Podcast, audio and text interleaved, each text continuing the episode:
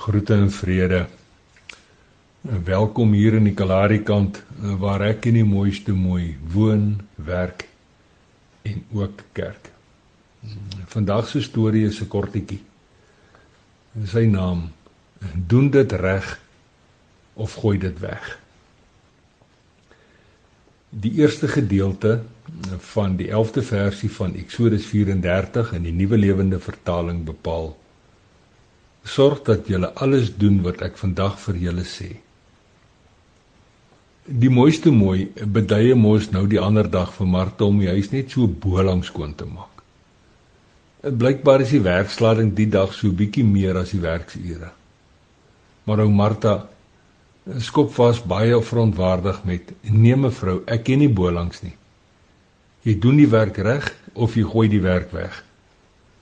Nodeloos om te sê het 'n stilte oor die mooiste mooi gekom. Sy het haar kop geskud, omgedraai en weggestap.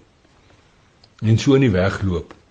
Onthou die mooiste mooi weer so 'n stukkie van Martha en haar navolgingswaardige gehoorsaamheid en pligsgetrouheid.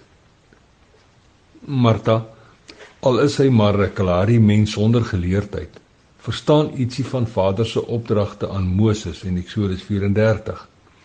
Dis nou iets wat ons as gelowiges so maklik mis.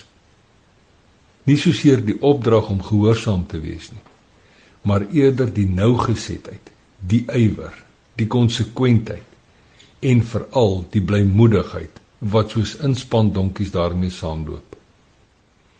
Ons skiep tog te maklik af van ons onderlinge verhoudinge met hom en so ook met mekaar want ons ingesteldheid is mos om die gehoorsaamheidsopdrag en meer spesifiek sy liefdesopdrag net so bo langs te pleeg.